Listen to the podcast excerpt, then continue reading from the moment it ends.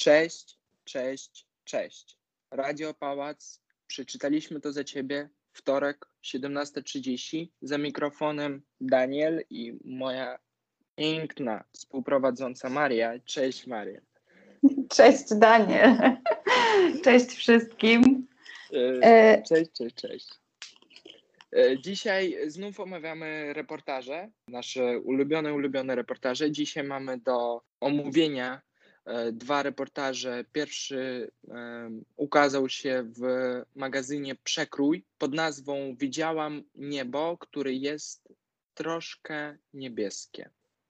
E, Autorem e, tego reportażu jest Nadaw Jal. E, Mam nadzieję, że poprawnie przeczytałem, e, przeczytałem to nazwisko. Co, co możesz powiedzieć w ogóle o tym, e, o tym tekście i no, jakieś swoje myśli, co ty możesz o tym powiedzieć? Co ja mogę o tym powiedzieć? Ciężko mi zacząć, bo ja byłam bardzo wkurzona czytając ten, ten tekst. Byłam zła na to, że musimy się z tym mierzyć. To jest fragment książki genialnego dziennikarza izraelskiego pochodzenia. I napisał on o, o tym, że dusimy się już na ziemi. I dusimy się przez globalizację i kapitalizm i, e, i przez te wszystkie błędy, e, przez chciwość, szybkość, e, to znaczy może pęd, to bardziej odpowiednie słowo. Mm, I, I ten fragment był fragmentem, który idealnie opisywał rzeczywistość, która już w tym momencie ma miejsce w Chinach, jest rzeczywistością dla Chin i która będzie rzeczywistością najpewniej już niedługo dla Polski, ponieważ Chiny, a zwłaszcza Pekin, e, są zobrazowane tam i są tak naprawdę bardzo zanieczyszczonym E, miejscem tak. na ziemi, tak. E, A wiadomo, że Pols- Polska plasuje się na tych e, e, najwyższych miejscach w rankingu również najbardziej zanieczyszczonych e, miejsc, jeżeli chodzi o powietrze. Więc e, to, że nie będziemy widzieć już niedługo gwiazd, czy że będzie bardziej żółto na zewnątrz niż, e, nie wiem, niż no, normalnie Normalnie. niż normalnie, e, to, to wydaje mi się być obrazem, który jest naszą przyszłością. Dlatego byłam wkurzona i myślę, że to wkurzenie bierze się z bezradności. I Hmm. to właśnie ta bezradność też jest przedstawiona w tym tekście. Mm, Czyli fragment y, książki, fragment pewnej całości, który opisuje aktualną sytuację w Pekinie. Mhm. E, Ja bym powiedział, że no, jakby sam reportaż opisuje Pekin, ale ogólnie Chiny są bardzo takim przemysłowym krajem i e, przez to, że mm, żyje tam naprawdę bardzo dużo ludzi, ponad miliardu, mają bardzo dużo takich regionów stricte, stricte przemysłowych i ja wątpię, żeby tam to wszystko wyglądało jakoś inaczej. I e, ja potwierdzam jakby twoje słowo, też jestem trochę wkurzony, ale słyszałam o, o tej sytuacji e, ogólnie w Chinach wcześniej, więc jakoś e, mniej jakby tak agresywnie powiedzmy na to zareagowałem niż ty, ale e, faktycznie ta cała sytuacja wynika, jak ty powiedziałeś dobrze, faktycznie z e, chciwości. Ludzie chcą produkować więcej, ludzie chcą tam, e, nie, wiem, sprzedawać jak najwięcej i nie tylko w swoim kraju, ale i dla innych krajów, bo wiemy, że dużo fabryk takich przemysłowych z zachodu, tak, mieści się bezpośrednio w Chinach, bo tam jest po prostu taniej. I po prostu Zachód e, dla czegoś myśli, że ma prawo zatrucać e, inne państwo, powietrze innego państwa, u siebie nie mając nic, i Chiny e, też poszli po tej drodze i teraz zanieczyszczają e, inne kraje azjatyckie, takie jak Bangladesz albo Wietnam. I to też jakby e, nie jest zdrowe, ja bym powiedział, bo można, można zrozumieć rząd chiński, no bo przecież co, co by mieli jeszcze zrobić, bo trzeba jakoś, trzeba jakoś żyć, ale zamiast tego, żeby przejść na jakieś bardziej takie współczesne i ekologiczne ustawy, postawy i decyzje, e, oni wybierają ten łatwiejszy szlak i po prostu też zyskają na taniej sile roboczej. I właśnie nawet e, tutaj autor bardzo dobrze też opisał to, że w jakiś moment e, faktycznie mieszkańcy Pekinu się, się wkurzyli i powiedzieli, że trzeba, trzeba coś zmieniać. Ale nawet ten program rządowy z jakby z ograniczenia tego dwutlenku węgla i tak spowodował to, że po prostu teraz tereny wiejskie są jeszcze bardziej zagrożone e, pod względem tej jakości powietrza, a w wielkich miastach to i tak się nie zmienia, no bo to nie, nie chodzi tylko o przemysł, tak? Tu chodzi e, nawet o te same samochody. Ale teraz po prostu zamiast tego, żeby cierpiało same, cierpiały same miasta, cierpią teraz e, po prostu, cierpi teraz po prostu cały kraj. Cierpią rolnicy, cierpią po prostu jakieś tam przedsiębiorcy wiejskie, ludzie, które y, zajmują się hodowlą zwierząt. Teraz zaczynają cierpieć od tego wszyscy. Tak, w tym, dobrze, że o tym powiedziałeś, bo w tym właśnie reportażu y, bardzo dobrze zostało to zobrazowane, czyli e, w, parę w ostatnich e, latach, kiedy była rozgrzana dyskusja a propos kopciuchów w Polsce, czyli mm -hmm. tych e, piecy, myślę, że wiesz mm -hmm. o czym mhm. mówię, o węglu, o elektrowniach przy okazji zjazdu COP24 w Katowicach pojawił się temat Chin, porównania Polski do Chin, że jak to Chiny prężnie rozwijające się, e, to oni tak naprawdę wypuszczają mnóstwo, mnóstwo zanieczyszczeń do atmosfery. E, I Chiny faktycznie zareagowały, ale tak jak zaznaczyłeś, stworzyli pewną iluzję, czyli zaczęli po prostu przenosić fabryki e, na obrzeża albo jeszcze dalej do wiosek, przez co też bardziej cierpią na to okoliczni mieszkańcy dużych miast. Mm, to po pierwsze, a po drugie też e, zaczęli stwarzać e, taką zasłonę dobrego państwa, które walczy z tym e, całym problemem. No ale oczywiście komunistyczna partia postarała się o to, aby wywrzeć ogromny wpływ na, na przedsiębiorcach, którzy, którzy najwięcej tego, tych zanieczyszczeń wypuszczają i, i siłą zmusić ich do pewnych zmian, co może być dobre, ale to wszystko po prostu tworzy iluzję. Jest częścią tej iluzji, które, którą tworzą Chiny. I tak, e, kolejnym, e, kolejną rzeczą, którą tutaj chciałam poruszyć a propos twoje, Twojego zdania, jest, e, jest to, co powiedziałeś o odpowiedzialności. Że to nie tylko Chiny mają za to odpowiedzialność. To nie tylko Chiny tworzą ten cały scenariusz, tę iluzję, tylko też Zachód, który zgłasza swoje potrzeby i one są spełnione przez Chiny. Tak. tak? I, I tyle mówimy o tym, że w Chinach również jest problem, ale w żaden sposób y, chyba rządy europejskie nie mają ochoty nawet tego zmieniać. E, mi się no wydaje, bo przecież że... też na tym stracimy wtedy. Wiesz, z jednej strony może tu na, nawet nie chodzi o e, bezpośrednio rządy, tylko chodzi o, większe po prostu koncerny, tak? O większe korporacje takie ponadnarodowe. Bo tak, tutaj... ale przepraszam, przerwę ci. To mhm. Y, właśnie tak jest, Daniel, przecież, że nie tylko głowy państwa mają tutaj coś do powiedzenia, to raczej e, korporacje mają też rządy. Tak, i y, mi się wydaje, że korporacje nawet mają większy wpływ na to, bo E, wiesz, oni po prostu e, nigdy, nigdy w sumie żadna korporacja nie bierze odpowiedzialność za skutki, tak, która, e, za skutki, do których doprowadza produkcja jakiegoś produktu, tak, towaru, nieważne. Tutaj też w tym tekście to jest dobrze opisane, że nawet jeśli um, powiedzmy państwo zaczyna wprowadzać jakieś takie większe restrykcje po typu podwyższenie płacy minimalnej albo jakby wprowadza jakieś takie ograniczenia dotyczące tego dwutlenku węgla, to korporacja po prostu wychodzi, tak, fabryka po prostu odchodzi z tego państwa i zostawia po prostu pustą ziemię, która, która się już w ogóle nie nadaje się do niczego.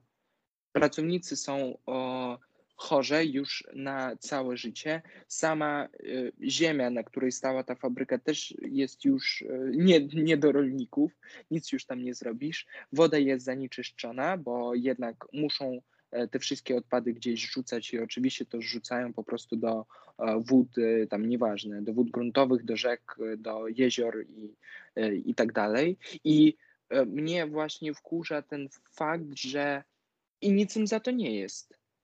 Że oni mogą się po prostu, oni mogą przenieść swoją fabrykę do jakiegoś innego miejsca, zostawić pustą ziemię, na której już nic nie da się zrobić i, i już jakby wszystko jest ok i nie, i, i, nie mają żadnej odpowiedzialności za to, co, co zrobili. A nawet praca, powiedzmy, dwa lata, jeśli taka fabryka, powiedzmy, pracuje, to ona już stwarza, stwarza takie zanieczyszczenie, że całe miasto, na całe miasto ma to wpływ. A oni, tak. za to, a oni za to nic nie mają. I tutaj też bardzo dobry wątek, który e, był dla mnie ważny, a właśnie ten wątek globalizacji, bo często rozumiemy e, pod e, w ogóle terminem globalizacja taką globalizację społeczną, tak? Internet, wszyscy się kochamy, wszyscy się lubimy, jakoś wymieniamy się kulturami, tak, omawiamy jakieś tam wspólne problemy, się jednoczymy jako świat, jako społeczeństwo.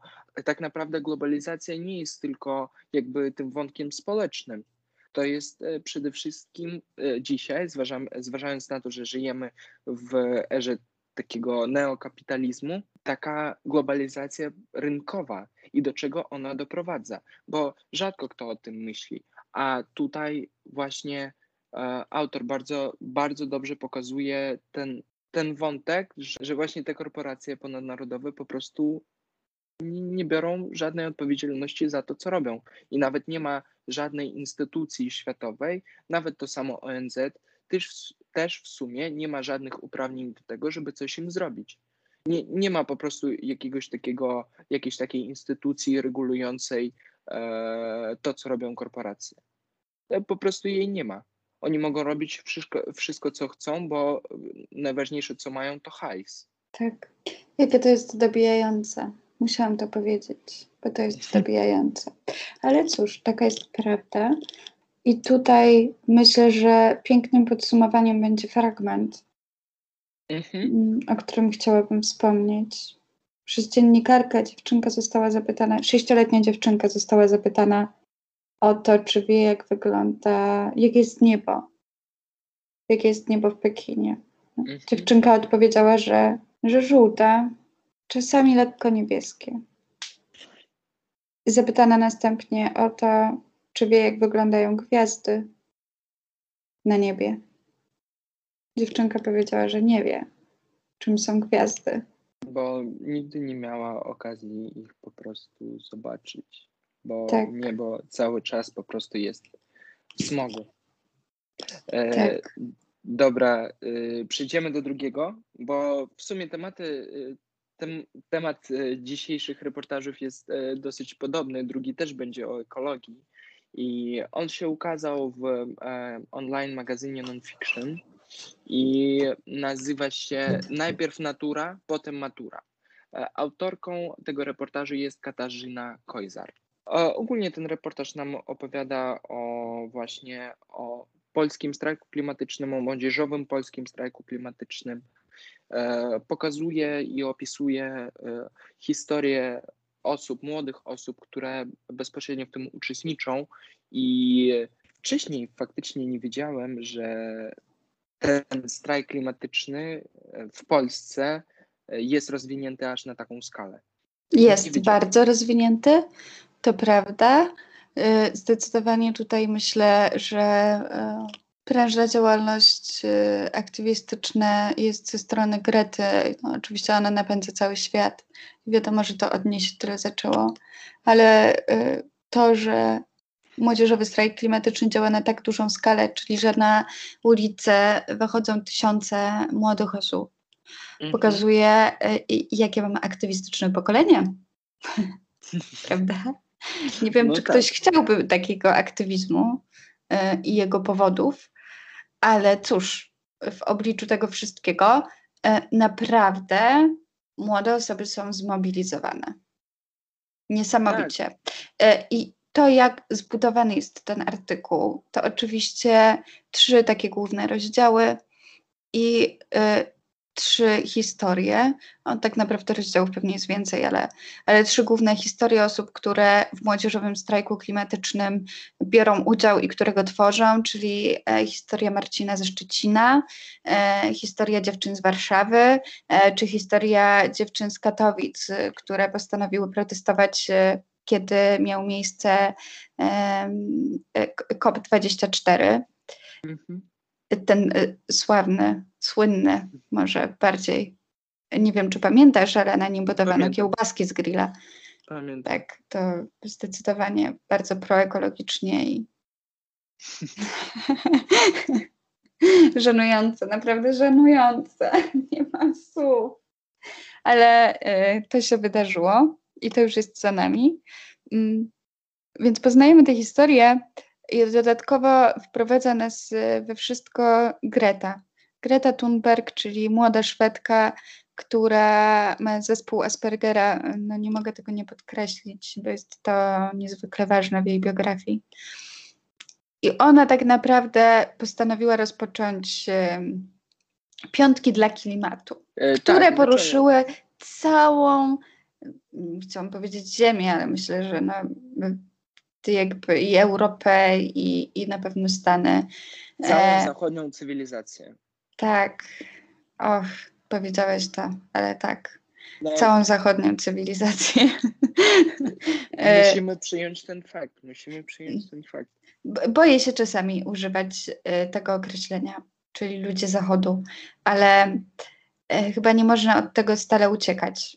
No, no, bo niestety więc, tak, tak więc y, niestety, niestety ludzie Zachodu, y, młodzi ludzie Zachodu zostali zmobilizowani i Greta Thunberg została do, nominowana do Nagrody Nobla, pokojowej Nagrody Nobla.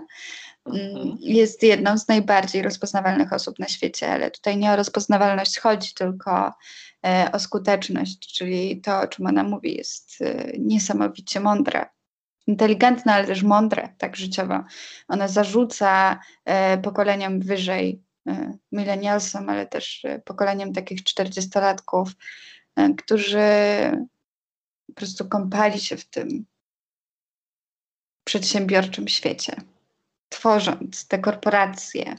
E, często e, osoby na samym szczycie korporacji wiedziały, z czym to się je, jakie będą konsekwencje i jakie już konsekwencje muszą ponosić e, inni, przez to, że oni produkują i produkują i chcą zyskiwać. I ona im to wszystko wyrzuca, że jest to potwornie samolubne. E, I razem z nią zaczęli e, wyrzucać wszyscy inni, już nie tylko dzieciaki, ale też coraz starsze osoby, osoby takie jak ty i ja, czyli 23 i 20 plus. Mhm. E, wiesz co, e, mi się bardzo w tym reportażu spodobał się ten wątek właśnie międzypokoleniowy, bo właśnie na przykład ja nie pamiętam dokładnie, która, e, która dokładnie ta historia była, ale na przykład w jednej rodzinie było tak, że córka uczestniczy w tym młodzieżowym strajku klimatycznym i rodzice faktycznie ją wspierają, bo rozumieją o co jej chodzi, bo, bo chcą jej słuchać tak, chcą słyszeć, o czym ona myśli i faktycznie jej pomagać, ją wspierać, a na przykład y, tam kolejne historie od innych ludzi pokazują właśnie to, jak to starsze pokolenie nie, nie zdaje sprawy z tego, co się dzieje, albo nie zdaje nawet sprawy sobie z tego, y, co zrobiło ich pokolenie. Albo może, nie wiem, może nie chcą przyjmować tej informacji, bo jest tym wstyd. E, nie, nie wiem, ja jakoś próbuję, próbuję to wyjaśnić w swojej głowie, ale nadal wszystko mi nie pasuje. Ale na przykład rozmawiałem ze swoimi rodzicami, które też są jakby już po, po 40 i e, mama e, mi powiedziała, że tak, my, my wszystko rozumiemy.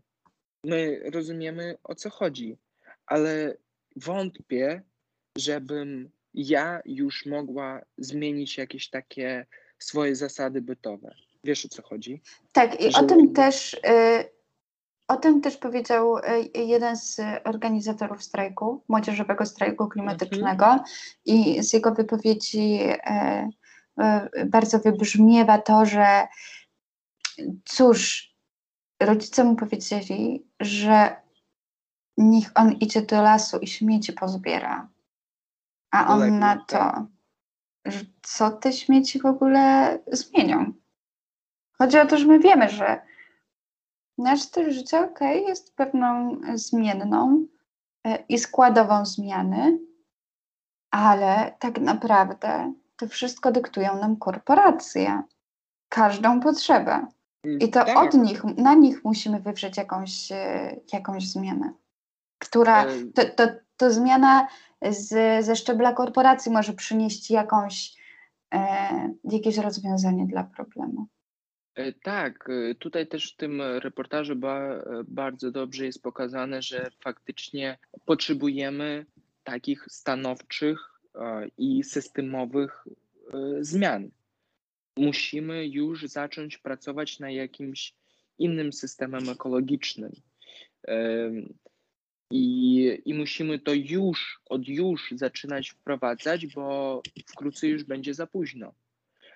I wiesz, y, co, co mi się właśnie nie spodobało w jakby w samym message jakby mhm. tego, tego reportażu, tak. albo w ogóle tych, e, tych osób, e, z którymi autorka miała wywiady, E, to, że oni, większość z nich mówiła, że, że jakby to nie jest sprawa polityczna.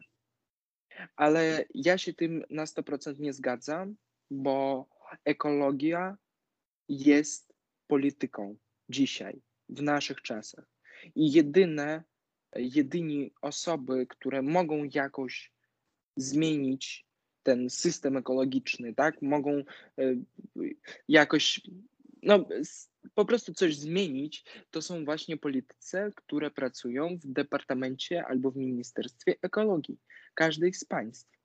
To nie jest tak, że ta, prawa, e, że ta sprawa nie jest polityczna. Te wszystkie koncerny, te wszystkie kopalne, te, te wszystkie jakby um, fabryki wytwarzające energię, to wszystko jest polityka. Wszystko. Bo to tak. wszystko kontrolują przede wszystkim politycy. Za, zatem muszą śledzić politycy. I my musimy zacząć rozmawiać bezpos, bez, bezpośrednio politykami. I jakby tutaj też był fajny moment, kiedy e, był taki większy strajk w Warszawie e, w jakiś moment i autorka e, reportażu pyta, czy ktoś z rządu na to zareagował na ten strajk i jedna z osób mówi, że tak, do nas e, napisał minister e, ekologii i minister, po prostu e, rekreacji, tak? Ja dokładnie nie pamiętam jaki Nie, minister. nie, nie, nie, nie. To, to był minister, już, już ci mówię, Henryk Kowalczyk, minister środowiska. U nas nie o, ma ministra ekologii, ale jest minister Dobra. środowiska. Dobrze, rozumiem, dziękuję Ci bardzo. Minister środowiska i minister e, środowiska im po prostu jakby podziękował, a jakby ten aktywista po prostu mówi, a po co nam te podziękowania? Dlaczego? No okej, okay, podziękowałeś i, i co z tego? I, I co z tego wychodzi? Tak, że wy zwróciliście, e, e, zwróciliście na nas uwagę, ale co wychodzi z tych podziękowań? Gdzie są jakieś faktycznie zmiany, jakaś chęć do dialogu? Jej nie ma, bo ludziom łatwiej po prostu powiedzieć: O, dziękujemy, my, my was widzimy, ale nic zmieniać nie będziemy. Czyli jednak e, oni mówili o zmianach systemowych z wysokości też władzy w Polsce. Jednak jest tam trochę o polityce według mnie. Nie aż tak e, dużo, ale jest. E, jest na pewno, ale mi tutaj raczej chodziło o postawę samych aktywistów. Bo mhm. teraz e, ja wiesz, to są moje osobiste spostrzeżenia, to w żaden sposób nie może być e, jakby stuprocentową prawdą i znów to jest tylko moja subiektywna opinia, ale moje subiektywne spostrzeżenie mi mówi, że teraz jest trochę taki e, trend i w ogóle osoby w takim wieku, powiedzmy tam od 16 do 20 lat są bardzo apolityczne bardzo polityczne, bo y, jeszcze po prostu nie rozumieją, w jakim stopniu polityka dotyka ich życia. Myślą, nie wiem, nie wiem jak w Polsce, ale ja na przykład ze swojej strony obcokrajowca, ja to bardzo dobrze czuję i widzę. Ten y, trend na apolityczność, kiedy my mówimy o środowisku i, i o ekologii, jest dla mnie trochę, był dla mnie trochę niezrozumiały i tyle. Jest to prawda duża tendencja do tego, aby uciekać od polityki i od y, świata decyzyjnego tak naprawdę, ale też od mhm. poglądów i definiowania tych poglądów. Nie chce się tego, stąd też y, całkiem sporo tych akcji uświadamiających i edukujących, typu hej, chodźmy głosować, będziemy głosować razem dla przyszłości, dla Polski, tak. albo bardzo dobra akcja olśnienie polskich artystów i młodych, powiedzmy, wpływowych osób, które mają jakiś realny wpływ na większą grupę osób. Mm, olśnienie, które miało uświadamiać i zachęcać do głosowania. Okay. E, I, I, więc coś się dzieje, ale prawda jest taka, że tendencją jest raczej e, stronienie od świata polityki i nieinteresowanie się tym, dlatego że polityka jest zamknięta, nie ma wejścia, nie ma tej nie ma pluralizmu.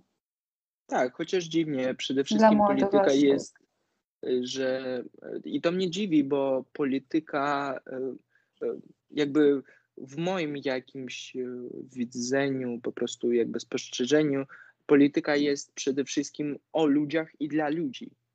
A teraz to wszystko wygląda tak, że jakby politycy w ogóle i rządzący są jakimś takim nie wiem, są taką arystokracją, do której e, ciężko, e, ciężko w ogóle się dobić. Ciężko jakoś z nimi porozmawiać i w ogóle nie ma, nie ma takiej możliwości, żeby politycy rozmawiały, rozmawiali z, tak. zwykłymi ludźmi. Więc y, cóż, no mamy do czynienia z oligarchią. Gdzieś przypominają mi się zajęcia filozofii, gdzie rozmawialiśmy o przejściu systemów i o tym, że mhm. jest to płynne, ale tak y, mówili starożytni. E, teraz jesteśmy już dawno ze starożytnością. I mam nadzieję, że ta gra polityczna jednak wyprowadzi nas ponownie z oligarchii. Podobno tak będzie w kolejności, czyli oligarchia i demokracja, ale ale chyba idziemy w odwrotną stronę, czyli demokracja, oligarchia i tyrania. Być może, być może nie, ale to, co chciałam jeszcze powiedzieć, to, mhm. to że mi w tym e, tekście bardzo się podobało i było to, to zdecydowanie dobre, że podkreślona została obawa o przyszłość i o to, że przyszłości nie ma.